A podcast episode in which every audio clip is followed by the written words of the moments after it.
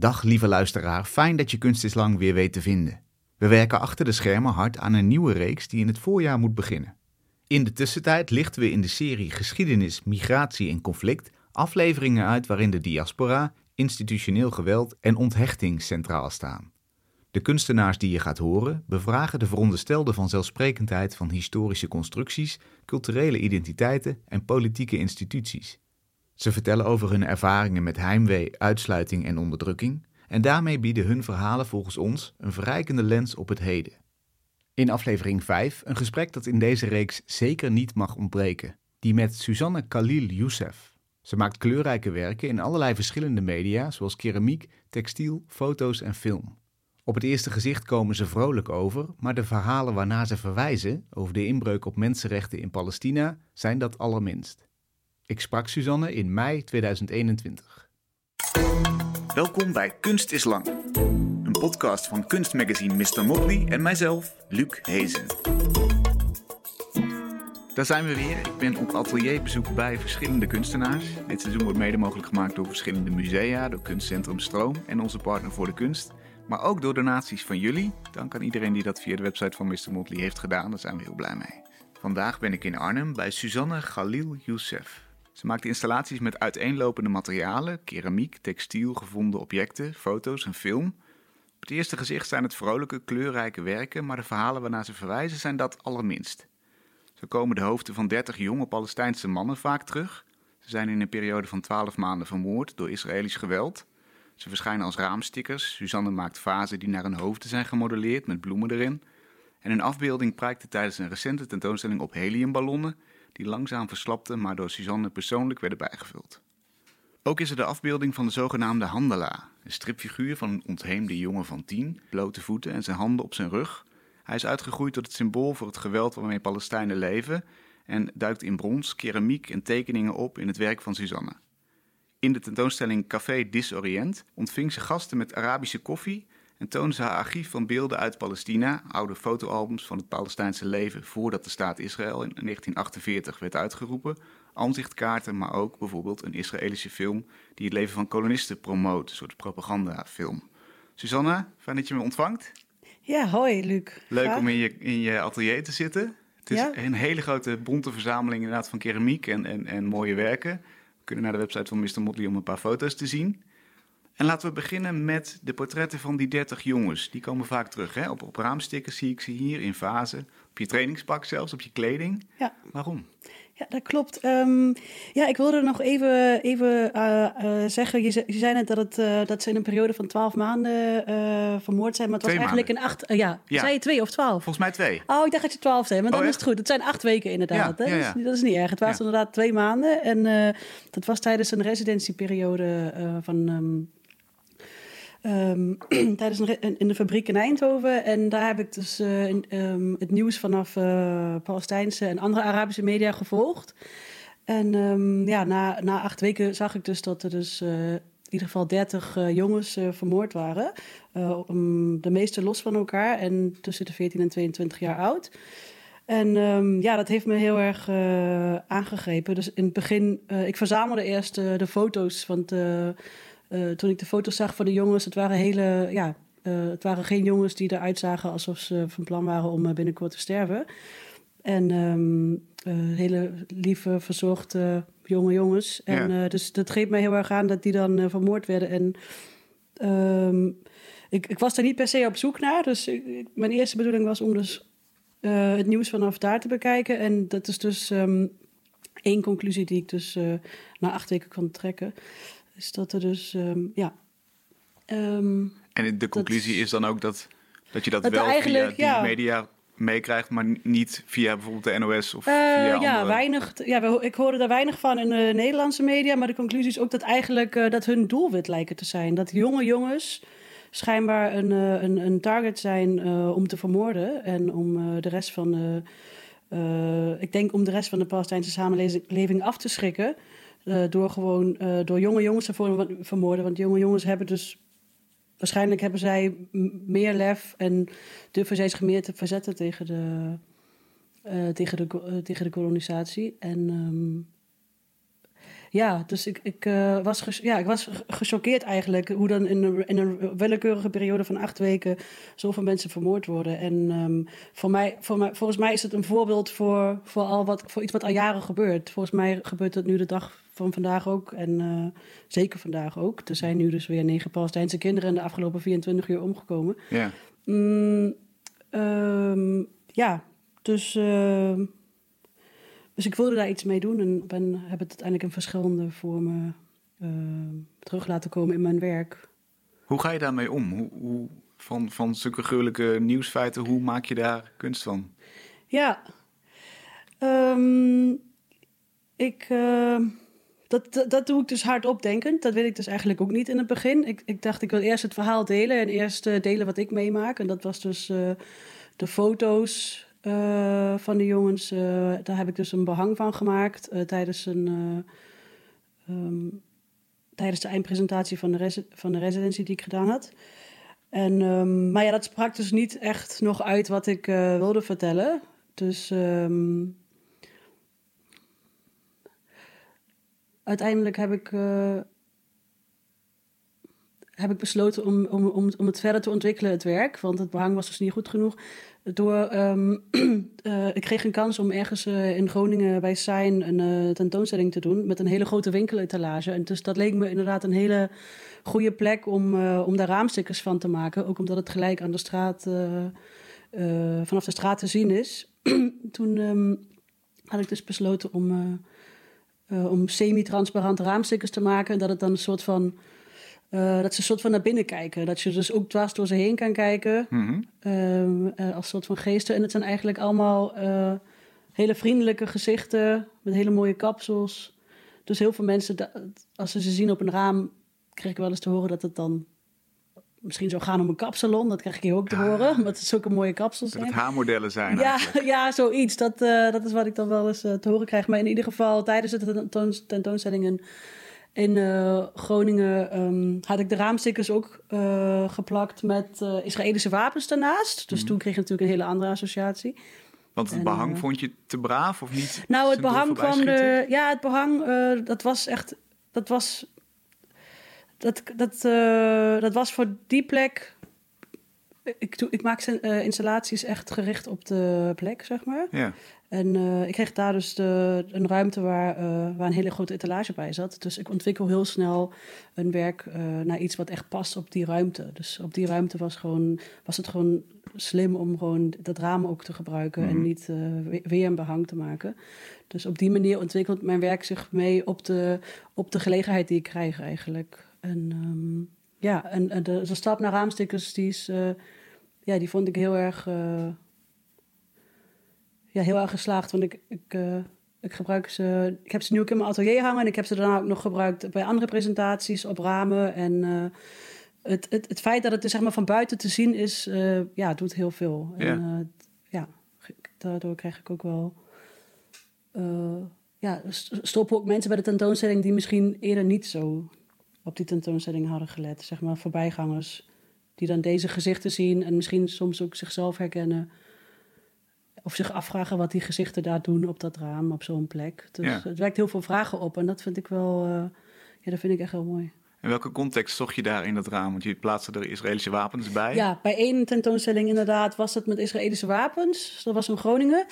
Um, ja, dat vond ik misschien te heftig. Dat heb ik, dat heb ik, dat heb ik, uh, dat was een uitprobeersel. En um, het was best wel heftig om dan zo'n wapen tegen iemands hoofd aan te zetten, eigenlijk. Tegen zo'n vriendelijk gezicht. Die ik daar gewoon precies naast had geplakt. Um, ja, ik wilde duidelijk maken dat deze jongens vermoord werden. Um, maar er waren wat voorbijgangers die ook. Uh, ik had gehoord dat sommige mensen dat best wel chockerend vonden. En ook. Uh, ja. Um...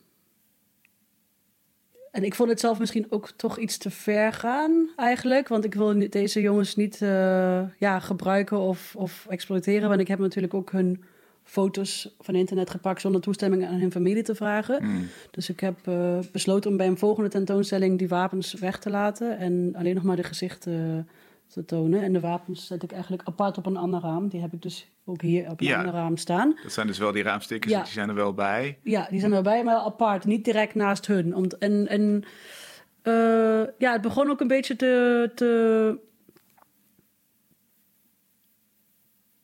ik wilde, ik, wilde het laten, ik wilde eigenlijk een nieuw werk eh, maken, zonder dat ik hun nog persoonlijk hoefde te gebruiken. Ook omdat het dus. eh, dus uiteindelijk ben ik overgestapt naar, naar beelden te maken, naar bustes van keramiek en van brons. Mhm. Eh, geïnspireerd op deze gezichten, omdat ik eigenlijk het superpersoonlijke wilde loslaten. En En waarom? Waarom die stap? ja, omdat, omdat dit dus alleen maar een willekeurige, een voorbeeld is van willekeurige acht weken. Van iets wat al jaren of tientallen jaren eh, ehm, gebeurt. Ja, die mensen, ze- worden al heel lang, eh, eh, ehm, worden Palestijnen vermoord. En dat is omdat ze eh, zich verzetten tegen een koloniale situatie. En de meeste mensen zijn, zijn daar opgesloten. Ze mogen daar niet in of uit. Ze mogen niet uit de Westbank. De mensen mogen niet uit de Gazastrook. Ze zijn letterlijk omsingeld door het Israëlische leger. En dat al tientallen jaren. En, mm, maar dat zijn dingen die dan verder niet genoemd worden. Als je dus iets op het nieuws hoort daarover. eh, hebben de meeste mensen hebben niet eens door dat deze mensen gewoon al eh, zo lang in een gevangenis leven. En geen beschikking hebben over hun eigen leven. En zich eigenlijk verzetten tegen een gevangenschap. En deze jongens zijn geboren in dat gevangenschap. En ehm, ja, ik weet niet. Ik, eh, dus, dus het is niet alleen nog maar deze 30 jongens. Het zijn eigenlijk, ja, het zijn heel veel mensen. Ja. Maar wel opvallend dat jongens, jonge jongens, toch wel altijd eh, heel vaak het doelwit zijn. En wat ik daarna dus las, is dat ze dus nu in plaats van moorden, wordt er ook heel veel, eh, worden heel veel mensen gehandicapt gemaakt. Zeg maar, gemikt op benen, zodat ze dus niet meer kunnen lopen of in rolstoelen belanden. En zodat. eh, ja, ze deze mensen zijn op heel veel manieren kunnen. doelwit van geweld. Hm? Ja, zodat ze minder kracht hebben, minder ja, schadelijk. inderdaad, minder krachtig eh, mensen zijn, inderdaad. En ja, dus. eh, Dus je, je, dus je wil eigenlijk af van de letterlijke gezichten van deze Ja. mensen, omdat het een willekeurig gekozen groep is eigenlijk, Ja. maar meer naar een, Ja. een, een grotere verbeelding van lijden. Precies, nou ja, een grotere verbeelding. eh, nou ja, het, het inderdaad afhalen van het persoonlijke van deze 30 jongens. Het, is toch wel, het zijn toch wel echt. eh, ehm, nou ja, het lijden. ehm, ik weet niet of ik het zo wil noemen. Het is echt een. eh, deze mensen proberen echt te overleven. En. ehm, ehm, ja, ik wilde eigenlijk. eh, ik zal dan wel vertellen hoe, het, hoe ik daarbij ben gekomen. Want. eh, het begon eigenlijk eh, bij een eh, vaasje met een roosje van Jozef Beuys, wat ik eerder in een museum had gezien eh, twee jaar geleden in Duitsland. Ehm, volgens mij in München of in Düsseldorf, dat weet ik even niet meer. En ehm, ik, was, ja, ik was er heel erg ontroerd door, door dat vaasje met die roos, wat in een vitrine in een museum stond. En ik, ehm, bij, na, bij onderzoek kwam ik erachter dat het dus een, ehm, een werk is, een overblijfsel uit een installatie waarin Jozef Beuys ehm, eh, een installatie had in verschillende dorpen of steden, waar hij dus de bewoners opriep om daarheen te komen en om samen te praten over, eh, eh, om samen in gesprek te gaan over eh, problemen die daar in de samenleving plaatsvonden. En ehm, dat deed me heel erg denken aan mijn eigen Café des Orient, waarin ik ook aanwezig ben en ook met mensen in gesprek wil gaan over bepaalde thema's die misschien niet in het nieuws komen, maar wel best wel impact maken op mensen hun leven, of misschien ook minder grote verhalen. Dus, je ehm, ontvangt ze hè, met ja, koffie, met, ja. met lekkere dingen. Ja, inderdaad. Mijn Café des Orient is eigenlijk een ruimte eh, die ehm, inderdaad die. ehm, eh, waarin ik, het is een performatieve installatie waarin ik zelf dus veel, iets te sterke Arabische koffie zet. En eh, in een ruimte die helemaal beschilderd is in, een zwart-witte eh, patroon, wat ook op de kefir-sjaal zit. Dat is ook wel, ook wel genoemd als de PLO-sjaal. Mhm. En het is een. eh, dus dan heb ik die ruimte eh, daar compleet mee beschilderd. De sokkels, de tafel. En dan heb ik een knipperende lichtbak. Waardoor je ook best wel gedesoriënteerd raakt door het patroon wat. eh, eh, ehm, door, het patroon in het licht, wat dan. Ja, wat die hele ruimte heeft eigenlijk. ja, krijgt een, eh, knippert inderdaad. En dan. Ja. ehm, ehm, hoe heet het dan? Eh, en eh, ik zit daar dus persoonlijk in en ik heb kleding aan die ook in diezelfde, hetzelfde patroon geschilderd is. En, ehm, En, ehm, ja, en ik nodig dus mensen uit voor een uh, kopje sterke Arabische koffie. En ik heb er dan verschillende dingen liggen. Soms heb ik daar boeken bij liggen, zoals een boek van Edward Said, Orientalisme. Orientalisme of laatst had ik ook uh, het boek White Innocence van Gloria Wekker erbij liggen. Maar in principe is, uh, hebben we die boeken nooit echt hoeven gebruiken. Mensen die erbij kwamen zitten, daar raakte ik al vanzelf mee al een gesprek over de hele installatie. En dus um, ja, dat is en dat is, dat is, geïnspireerd op Boys, zei je? Nee, nee, nee. Dus dat is dus wat ik zelf uh, al had gemaakt, inderdaad. Ja, klopt. En uh, alleen de installatie van Jozef Boys deed me daaraan denken, aan mijn eigen Café des Orient. Mm dus, en ik vond het heel mooi uh, dat hij dat dus um, deed. En dus, dus ik besloot dus om, de, om ook want ik, om, om van de hoofden dus een nieuw werk te maken. Dus namelijk ook fase waar boeketten in staan die langzaam vergaan. Want die boeketten die. Um, en die wilde ik dan in de installatie zetten in een nieuwe vorm van Café des Orient. Want Café des Orient is al zes keer geweest, of vijf, zes keer geweest. En het is elke keer anders. Uh, maar, ik, maar ik zit er altijd in.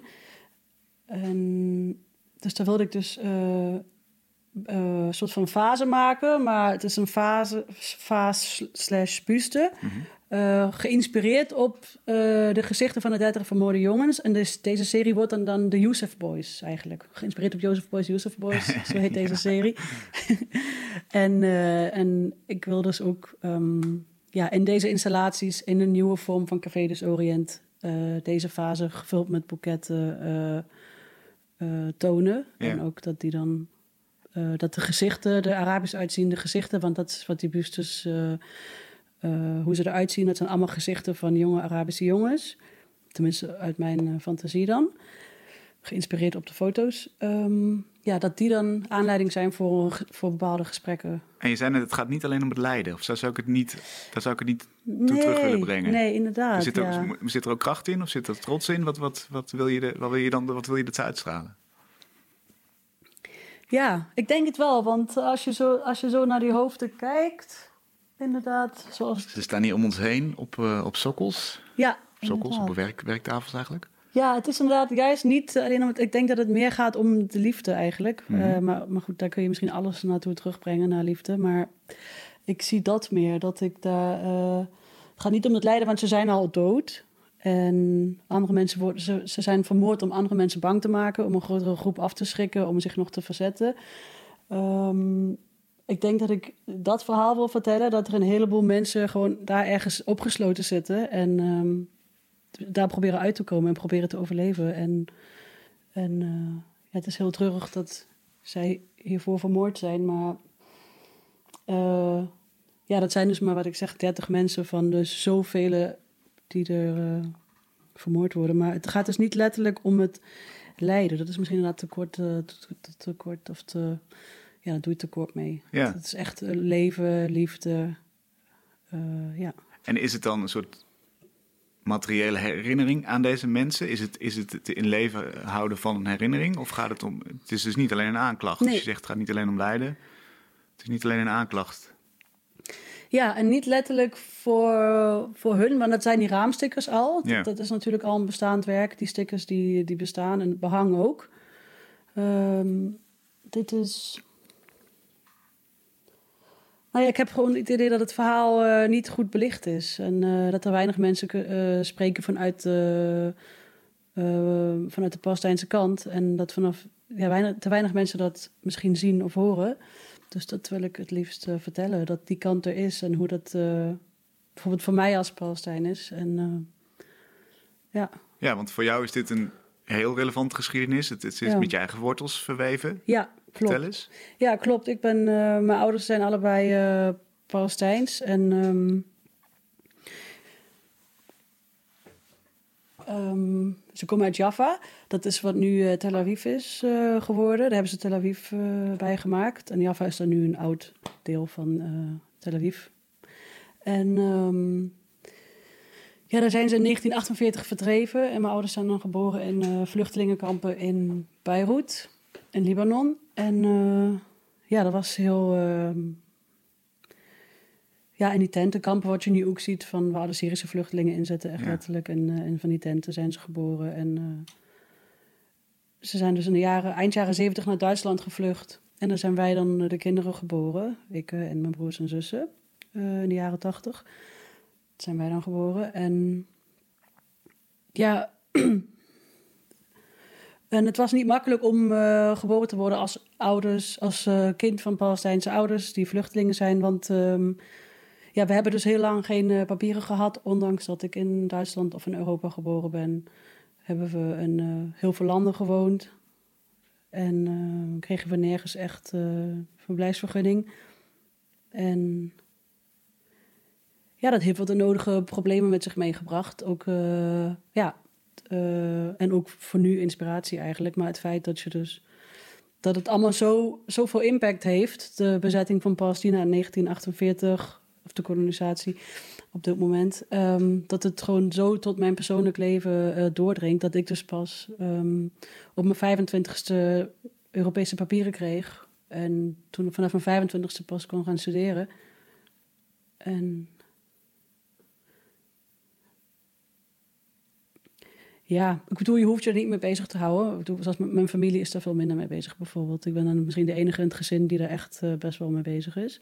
Maar ik vind het wel super interessant om te begrijpen hoezo, het le- hoezo mijn leven zo is zoals het is gegaan. En eh, ja, en dan kom ik automatisch toch weer bij Palestina uit en eh, de situatie die daar is. En Mhm. ehm, ja, Hoe helpt kunst daarbij om die situatie te Ja. begrijpen? Ja, ja het helpt. eh, het is een hele, hele belangrijke voor mij, omdat het toch wel een, eh, omdat het een, omdat het toch wel een onderwerp is waar heel veel mensen toch al een mening over hebben of denken dat ze er, eh, ja, ze hebben er toch wel vaak een mening over gevormd. Dus het is altijd een heel lastig onderwerp om te zeggen dat je Palestijns bent en daarmee bezig bent. Ehm, je krijgt altijd wel, ik krijg wel snel een soort van, ik heb het idee dat ik daar snel word eh, op aangekeken. Wat, wat maak je mee? Schets het plaatjes. Nou, bijvoorbeeld. ehm, ehm, bijvoorbeeld bij mijn. Eh, bij, bij mensen in Duitsland vooral. Daar is het een heel. eh, da- daar ben ik dus bijvoorbeeld naar familie, schoonfamilie geweest. Nou, als die dan eh, horen dat je Palestijns bent, dan moet je dus eerst het hele verhaal aanhoren over de, over de kidnapping van München in, de- in de jaren zeventig tijdens de Olympische Spelen. Dat daar. en het lijkt er net alsof ik daarop aangevallen word, zeg maar. En of dat ik daar een stand, standpunt over in moet nemen. Hmm. Of omdat hun dus voor hun ook natuurlijk getraumatiseerd zijn, die mensen in München. En dat gaat nu toevallig voor mensen in München die ik sprak. En ehm, ja, dat is eigenlijk een heel exemplarisch voor wat heel vaak gebeurt als ik zeg dat ik Palestijns ben. Dat mensen mij ineens eh, of een discussie met mij willen. Of willen horen dat, eh, ja, ik weet niet... ehm, eh, dat ik ergens dus over standpunt inneem. Of over, ehm, ja, ik weet niet. Het is, Dat je afstand neemt van bepaalde dingen waarvan zij vinden dat je dat zou moeten doen. ja, het is zeg maar niet zo makkelijk voor mij om dan gelijk daar een heel... eh, ehm, eh, ja, ik weet ik vind de gesprekken die gaan altijd heel moeilijk. Het eindigt altijd heel emotioneel. Misschien ook wel soms een beetje ruzieachtig, omdat toch wel best wel veel mensen zelf daar iets mee hebben. Of, of daar een heel sterke mening bij hebben. Of, of mensen die dan bijvoorbeeld heel gelovig zijn, die ik dan wel eens tegenkom. Die dan in de kerk eh, horen dat ze dus heel erg zich in moeten zetten voor Israël. En die dan ook mij als soort van. eh, bij mij willen peilen hoe ik erin sta. En dan mij willen overtuigen van iets. En zo, zo komt het eigenlijk best wel vaak tegen. Dus ehm, ja, het is voor mij heel moeilijk, omdat het voor mij zo persoonlijk is. Ik bedoel, ik heb er zelf, leid ik er heel erg onder dat ik dus eh, zo lang in Nederland heb moeten leven zonder verblijfsvergunning of in zoveel landen. Voor mij is het een super persoonlijk verhaal. En mm, ik weet niet.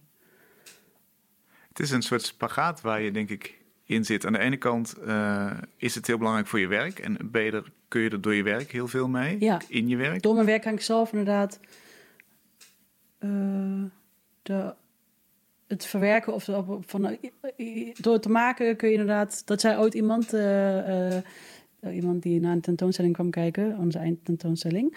Die, ehm, die zei van: eh, het lijkt wel of ze door haar werk afstand kan nemen van de situatie.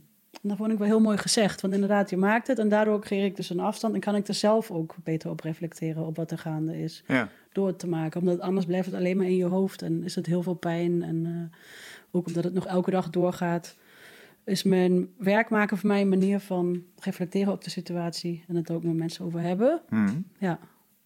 Maar dan, dan is het werk wel heel belangrijk. Zonder het werk, eh, alleen mensen erover te praten, dat, dat loopt altijd verkeerd af. op Want wat is dan de handeling die het werk oplevert? Het stoppen in het werk? Is, het, is dat letterlijk van je af kunnen zetten?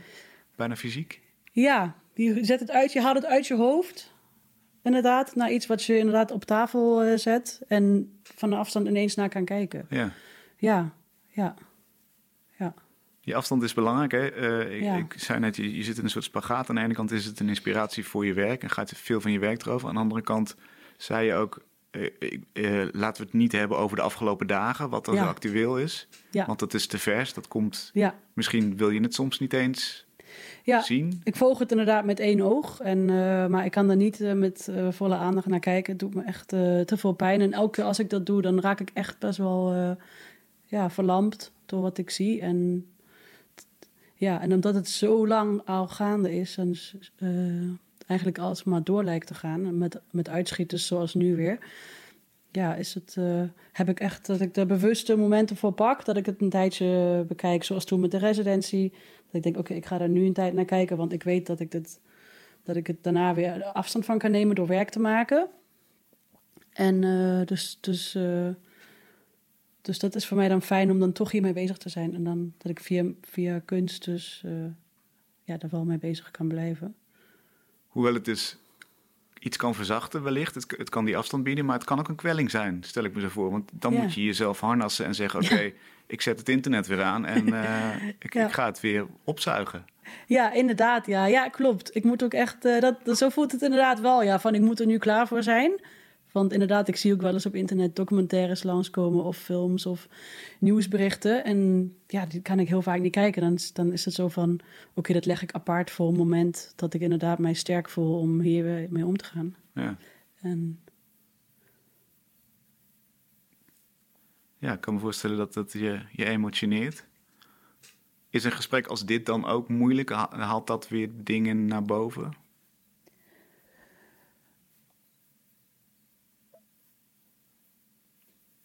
Ja, ik stop het altijd toch liever in mijn werk dan in een gesprek, inderdaad. Omdat in je werk heb je toch veel meer tijd en, en ben je ook fysiek bezig om iets te uiten. Dus eh, bijvoorbeeld met klei, met het boetseren, dan stop je de energie er letterlijk in. En in een gesprek gaat het vaak veel te snel, of sneller dan dat je eigenlijk eh, eh, kan, kan, dan dat ik eh, kan voelen, zeg maar. Ja. Zeg maar. Dus, eh, dus vandaar dat ik altijd liever eh, beeld maak en dat eh, als communicatie naar buiten stuur dan eh, dat ik er zelf heel veel over zeg.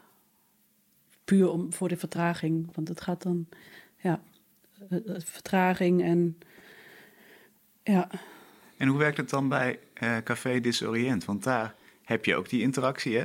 ja. Gaat Klopt. het ook wel over deze onderwerpen? Ja, ook wel, maar niet altijd. Oké, ik sta eigenlijk wel open voor ook allerlei andere onderwerpen. Eigenlijk, ehm, ja, vaak vertellen mensen zelf eh, iets. Ze komen zitten en dan eh, hebben ze zelf iets te vertellen. Het lijkt dan net een beetje, ja, ze vertellen dan zelf of hun associaties. Eh daar had ik wel eens iemand die dan over de, print, dat printje, over die eh, patroon begon van de café die ik op de muur geschilderd had. En hij eh, associeerde dat, hij dacht dat het te maken had met Tweede Wereldoorlog, omdat dat toen schepen waren die zo'n soort patroon op, op, op het schip geschilderd hadden, waardoor dus de tegenstand inderdaad als camouflage, waardoor ze niet meer moeilijk, waardoor ze moeilijker op hun te focussen zou zijn als je op hun zou richten en dus dat, soort dingen ontstaan ook. Dus we hebben het helemaal niet echt vaak eigenlijk echt over Palestina of zo. Maar het is meer een plek waar je dus eh, persoonlijke verhalen of associaties kan vertellen die, die eigenlijk, eh, ja, ik zeg altijd die te klein zijn voor het nieuws of zo. Bijvoorbeeld komen er mensen die zelf naar Palestina gereisd zijn, dat gaat er dan wel over, die dan aan de grens dingen meegemaakt hebben, vernederingen of intimidaties of waar we het dan ook over kunnen hebben. En eh, wat dus ook eh, regelmatig gebeurt. Maar ook, eh, ehm,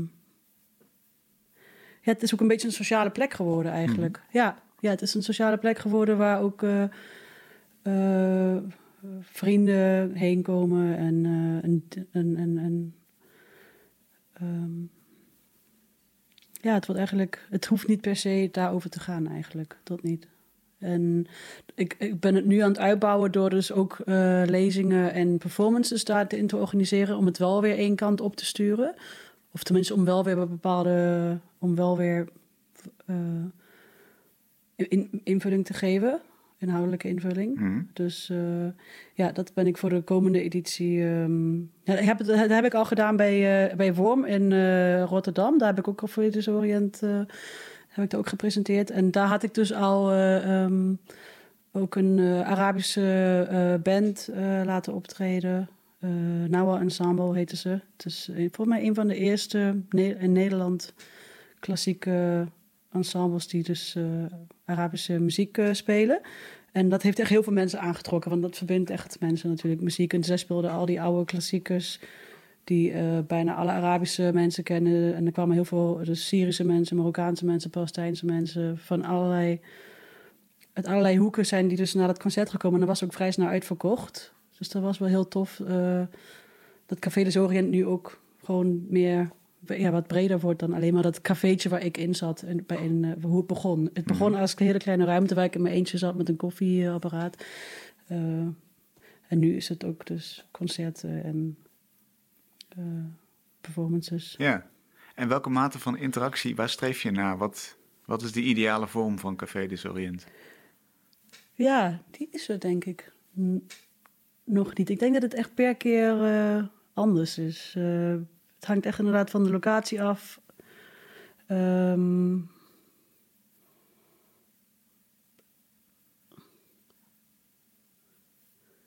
het is altijd wel een combinatie met, uh, met, uh, met kunstwerken voor mij die ik gemaakt heb. Het is zeg maar niet uh, dat het alleen als concept ergens neergezet kan worden dat ik dan dat alleen maar lezingen en optredens komen. Maar dat moet altijd wel in combinatie met de kunstwerken die ik maak.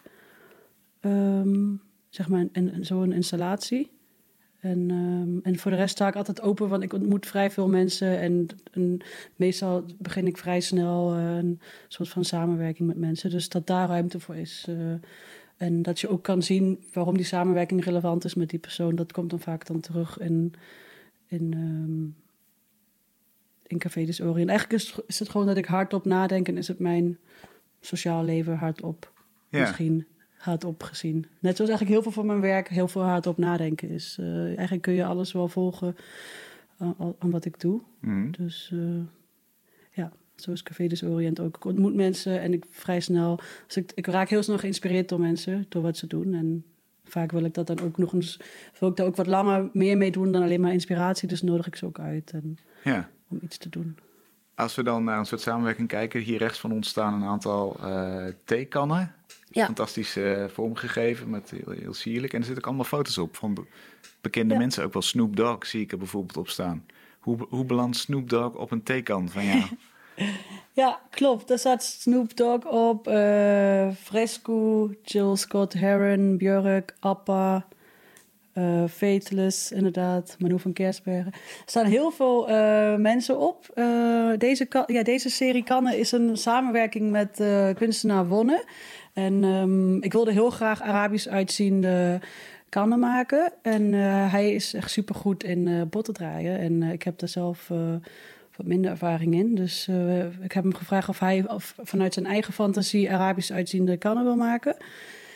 Die ik dan glazuur en dan ook met transfers uh, beplak. En de, de, foto's van de mensen die erop staan, dat zijn eigenlijk. Um, uh, ik, ik, ik, zoals in de laatste paar jaar hoor ik dan steeds vaker dat dan een prominent persoon of een bekend persoon zich uitspreekt over de situatie in Palestina. Door bijvoorbeeld een, concert af te zeggen daar in Israël. Of door bijvoorbeeld iets openlijk over te durven zeggen. Of door er iets in een liedje over te noemen, zoals Frisco. Volgens mij heeft hij daar zelfs twee liedjes aan gewijd aan de situatie in Palestina. En dat vind ik dan zo uh, gaaf. Dat, word ik echt, uh, vind ik zo, uh, vind ik echt super mooi. Dat, dat raakt mij heel erg dat mensen daar iets over durven zeggen. En ook nog met hun eigen naam en hun eigen gezicht erbij. Dus daarom heb ik ook hun gezichten op de kannen. En, um, het, en, die, en die serie heet Beverages for Friends. Dus eigenlijk zijn het dus drankjes voor mijn vrienden, zo wil ik het noemen. Ehm, maar er is eigenlijk geen lijst of zo kant-en-klaar op internet met mensen die daar iets over durven zeggen. Dus ik heb er wel heel veel onderzoek uh, naar moeten doen om te kijken naar welke stemmen zich kritisch erover uiten. Of, maar van, van de helft wist ik het misschien al, want dat is dan van muziek die ik dan luister, ehm, bijvoorbeeld. En uh, wat dan ook soms in de teksten terugkomt. Van minder bekende artiesten. Maar er zitten dus ook hele bekende artiesten bij, zoals die ik net noemde. Maar um, het is. Het grappige is dus dat dan een jaar later. Het is zeg maar een bewegend en het is een heel uh, dynamisch uh, onderzoek. Want uh, sommige mensen die op de kant staan, kom ik dus een jaar later achter dat die dus wel ineens met Israël samen, met Israëlische bedrijven samenwerken. Zoals, zoals dat Snoop Dogg ineens dan nu gezicht is van een Israëlische start-up wat met wiet bezig is. En dan denk je, oh shit, hij staat er wel op mijn kan. Ja. En, dus, maar hij werkt dus wel gewoon daaraan mee eigenlijk. Aan, aan het, want, en, want in um, welke mate van, laten we zeggen, objectiviteit, hoe, hoe, hoe ga je daarmee om? Ja. Dit is natuurlijk heel subjectief. Hè? Ja, Inderdaad, tuurlijk. je zegt vrienden die, die zich uitspreken Ja. over die situatie daar. Ja. Bestaat objectiviteit als, als je dit soort kunst maakt? Bestaat het voor jou? Um, nee, ik, voor mij denk ik niet. Ik, uh, nou ja, het is natuurlijk, uh, nee, het is heel dubbel. Enerzijds denk ik natuurlijk is het objectief, want je ziet, als je objectief ernaar kijkt, zie je dat er echt heel veel gaande is wat echt niet kan. Maar inderdaad, uh, dat maakt het dan weer subjectief. Dus het is heel, heel dubbel, inderdaad. Maar um, ja, het is. Um, ja. Het, is, nee, het speelt niet zo'n hele grote rol in mijn werk. Ik denk inderdaad niet naar van, uh, is dit objectief genoeg of zo. Ik spreek heel erg vanuit mijn persoonlijke leven en mijn persoonlijke interesses en mijn inspiraties. En als dus dit soort uh, mensen er iets over zeggen of over doen, dan uh, ja, dat, ja, dat vind ik geweldig. Daar voel ik me echt persoonlijk door hun geholpen. En uh, ja, een persoonlijke band ineens mee. En ja, dat wil ik dan ook teruggeven. En ja, maar ook als dus mensen ineens er niet meer op horen, zoals misschien dat ze ineens toch ineens een twijfelgeval zijn van of ze inderdaad nu wel kritisch zijn of niet over de situatie.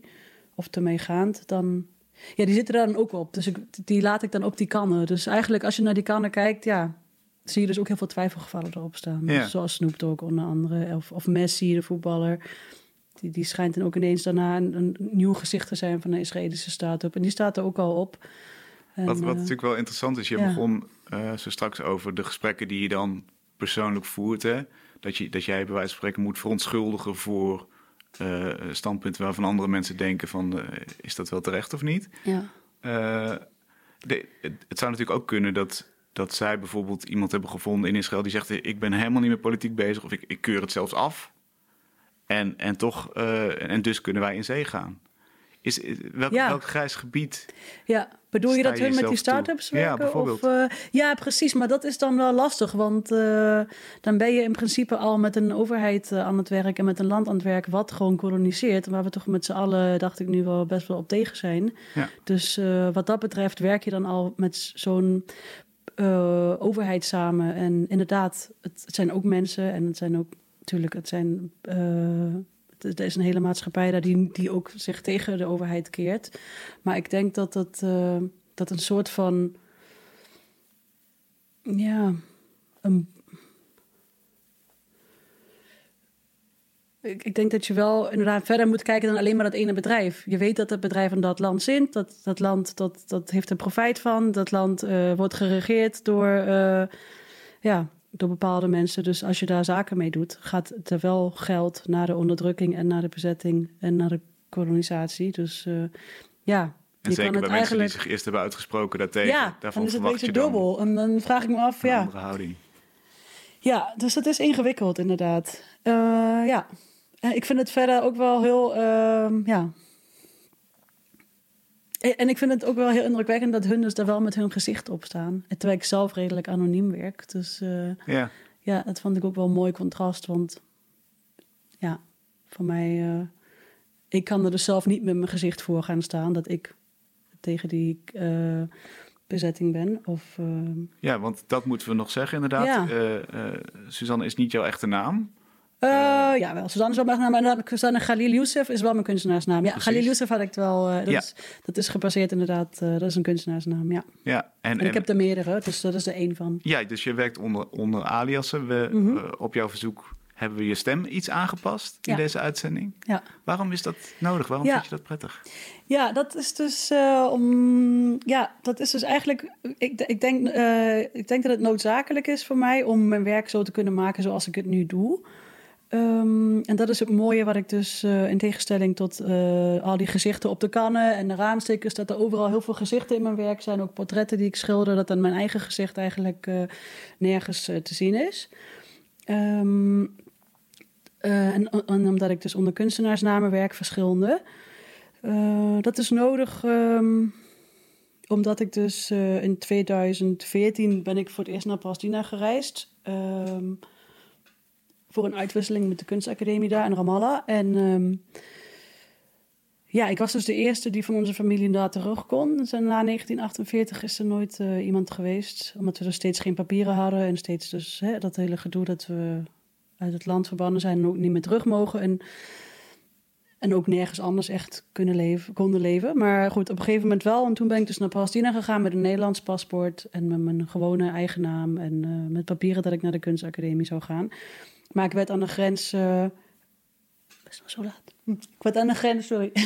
ik werd aan de grens eh, tegengehouden. En ehm, ja, ik werd helemaal eh soort van gescreend of zo. Ik werd eh, eh 14 uur lang apart genomen. En steeds door verschillende soldaten weer opnieuw dezelfde vragen gesteld. En mijn bagage werd van me afgenomen. In mijn mobiel werden alle nummers van alle mensen die ook maar enigszins een Arabische naam hebben, moest ik eh, opschrijven waar ik ze van kende, waar ze wat hun adres is en eh, eh, wat de relatie is. En dus ik schrok er zo erg van dat ik compleet gescreend werd. En eigenlijk dan ook het land niet in mocht. Want ze zeiden, je mag het land niet in. En, want je moet dus om naar Palestina te gaan, om even duidelijk te stellen, moet je dus door een Israëlische barrière, door Israëlische grensposten. Want omdat, het land, omdat de landen omsingeld zijn, kom je daar niet bij zonder dat je door Israëlische hè, controles heen moet.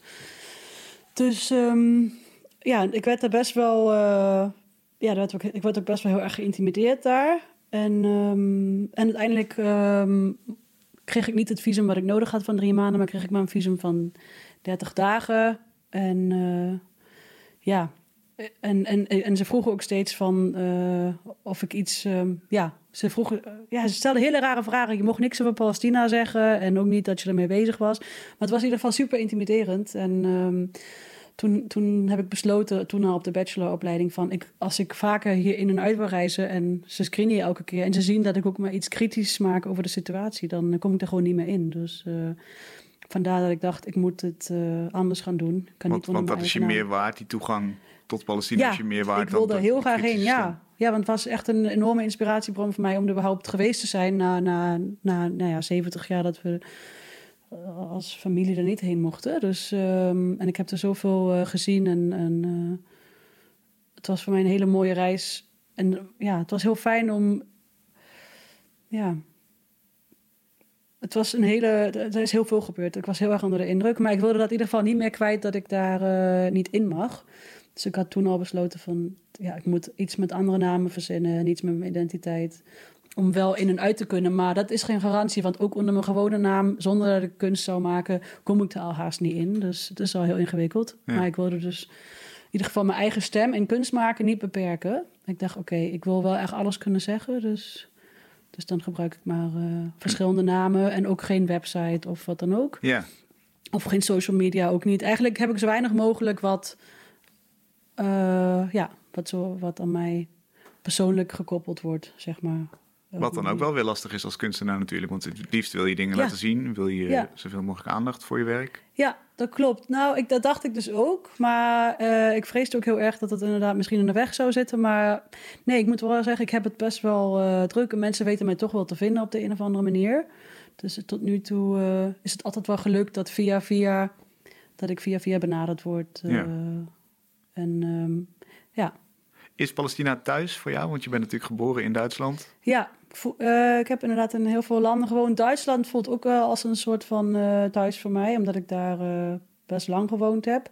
Maar um, ja, ik voel me denk ik vaak eerder ontheemd eigenlijk. Dat, of dat alles, dat overal mijn thuis is. Als ik met mijn spullen of zo heb, mijn spullen bij me heb. En um, ja, maar toen ik er was, toen had ik wel even dat thuisgevoel. Toen ik daar voor het eerst was, toen had ik wel het gevoel van... oh, niemand kan mij hier wegsturen of zo. Hier ben ik welkom. Omdat ik dus ook in vijf landen in Europa gewoond heb... en ook zeg maar Nederland uh, soort van uitgezet was. Dat ik het land moest verlaten meerdere malen. Dat, en toen, toen ik daar was, had ik voor het eerst dat ik dacht... oh, dit grasveldje of dit heuveltje of bij deze boom, daar mag ik blijven. En dat is waar ik mag zijn of zo. Maar dat is natuurlijk niet echt zo, want het, is, het, is een, uh, het, wordt gecontroleerd door Israël. Maar ik had wel het gevoel dat ik er ergens mocht zijn en dat mensen best wel, uh, ja, dat ik me daar thuis voelde en dat mensen mij ook zagen als iemand die daar hoorde. Dat ze mensen zo voelden het. Ik voelde me heel erg welkom door hmm. mensen. Dus dat was wel heel fijn. Ja. Waar zit wat jou betreft het verschil tussen uh, kunst maken en bijvoorbeeld journalistiek bedrijven? Dat zou natuurlijk ook een interessant medium kunnen zijn als je zegt: ik wil die Palestijnse zaak beter onder de aandacht krijgen. Ja, klopt. Ik denk dat het uh, inderdaad, journalistiek zou dan inderdaad meer misschien richting het objectieve misschien gaan. En ook het, uh, spreken en of schrijven. Maar omdat ik uh, het echt persoonlijk wil houden vanuit mijn oogpunt en ook vanuit mijn autobiografie. Um, is dat denk ik het uh, verschil. En ook niet dat ik per se nieuwsfeitjes uh, per se wil brengen, maar ik wil het liefst uh, een, persoonlijk, een persoonlijke kant van dit hele conflict laten zien. En wat in mijn ogen te weinig is. En ook vind ik dat er ergens anders niet genoeg ruimte voor is. Kijk, in de kunst, de kunst is vrij en je kan je eigenlijk alles maken en alles bespreken en alles laten zien. Dat is de meest vrije plek voor mij, kunst. Dus dus um, ja, dus wat ik al zei, door er fysiek mee bezig te zijn, door het niet in woorden te hoeven gieten altijd, omdat woorden toch vaak bij mij tekort schieten, kun je het in een beeld wat, uh, kun je het in beelden, uh, met beelden communiceren. Dus um, wat dat betreft, ja, hoef ik zeker niet, inderdaad, ben ik niet per se, nee, ben ik ook niet, uh, zie ik mezelf niet in de journalistiek en ook zeker niet in de politiek. En dat soort plekken, dat, ik vind, denk dat kunst de meest vrije plek is om, ja, om mijn verhaal te kunnen vertellen. En ook om zelf te kunnen ontwikkelen in dit verhaal. Ja, om hardop na te denken, zoals je zei. Ja, en dat, dan valt nog op, uh, tot slot, dat er ook een soort lichtheid in zit. Er zit veel kleur in. Uh, er zit iets, iets cartoonesks in. Het, het, het, het, het wordt nooit te zwaar. Ja, ja, dat klopt. Ik werk ook wel inderdaad redelijk. Uh, dat, dat heb je wel goed gezien. Dat is ook hoe ik, hoe ik mijn werk maak, inderdaad, voor mezelf ook. Het is niet dat ik heel erg uh, ambachtelijk bezig ben, als in dat ik een techniek, uh, sorry, heel goed uh, daar heel. Nee, het is voor mij gaat het net zoals het denken. Ik voel iets, ik maak iets. Dat gaat. Het is vrij vaak snel een vertaling van wat ik voel en denk. En uh, um, het gaat echt om het uiten ervan. En, uh, en um, maar de kleuren bijvoorbeeld. Ja, het is.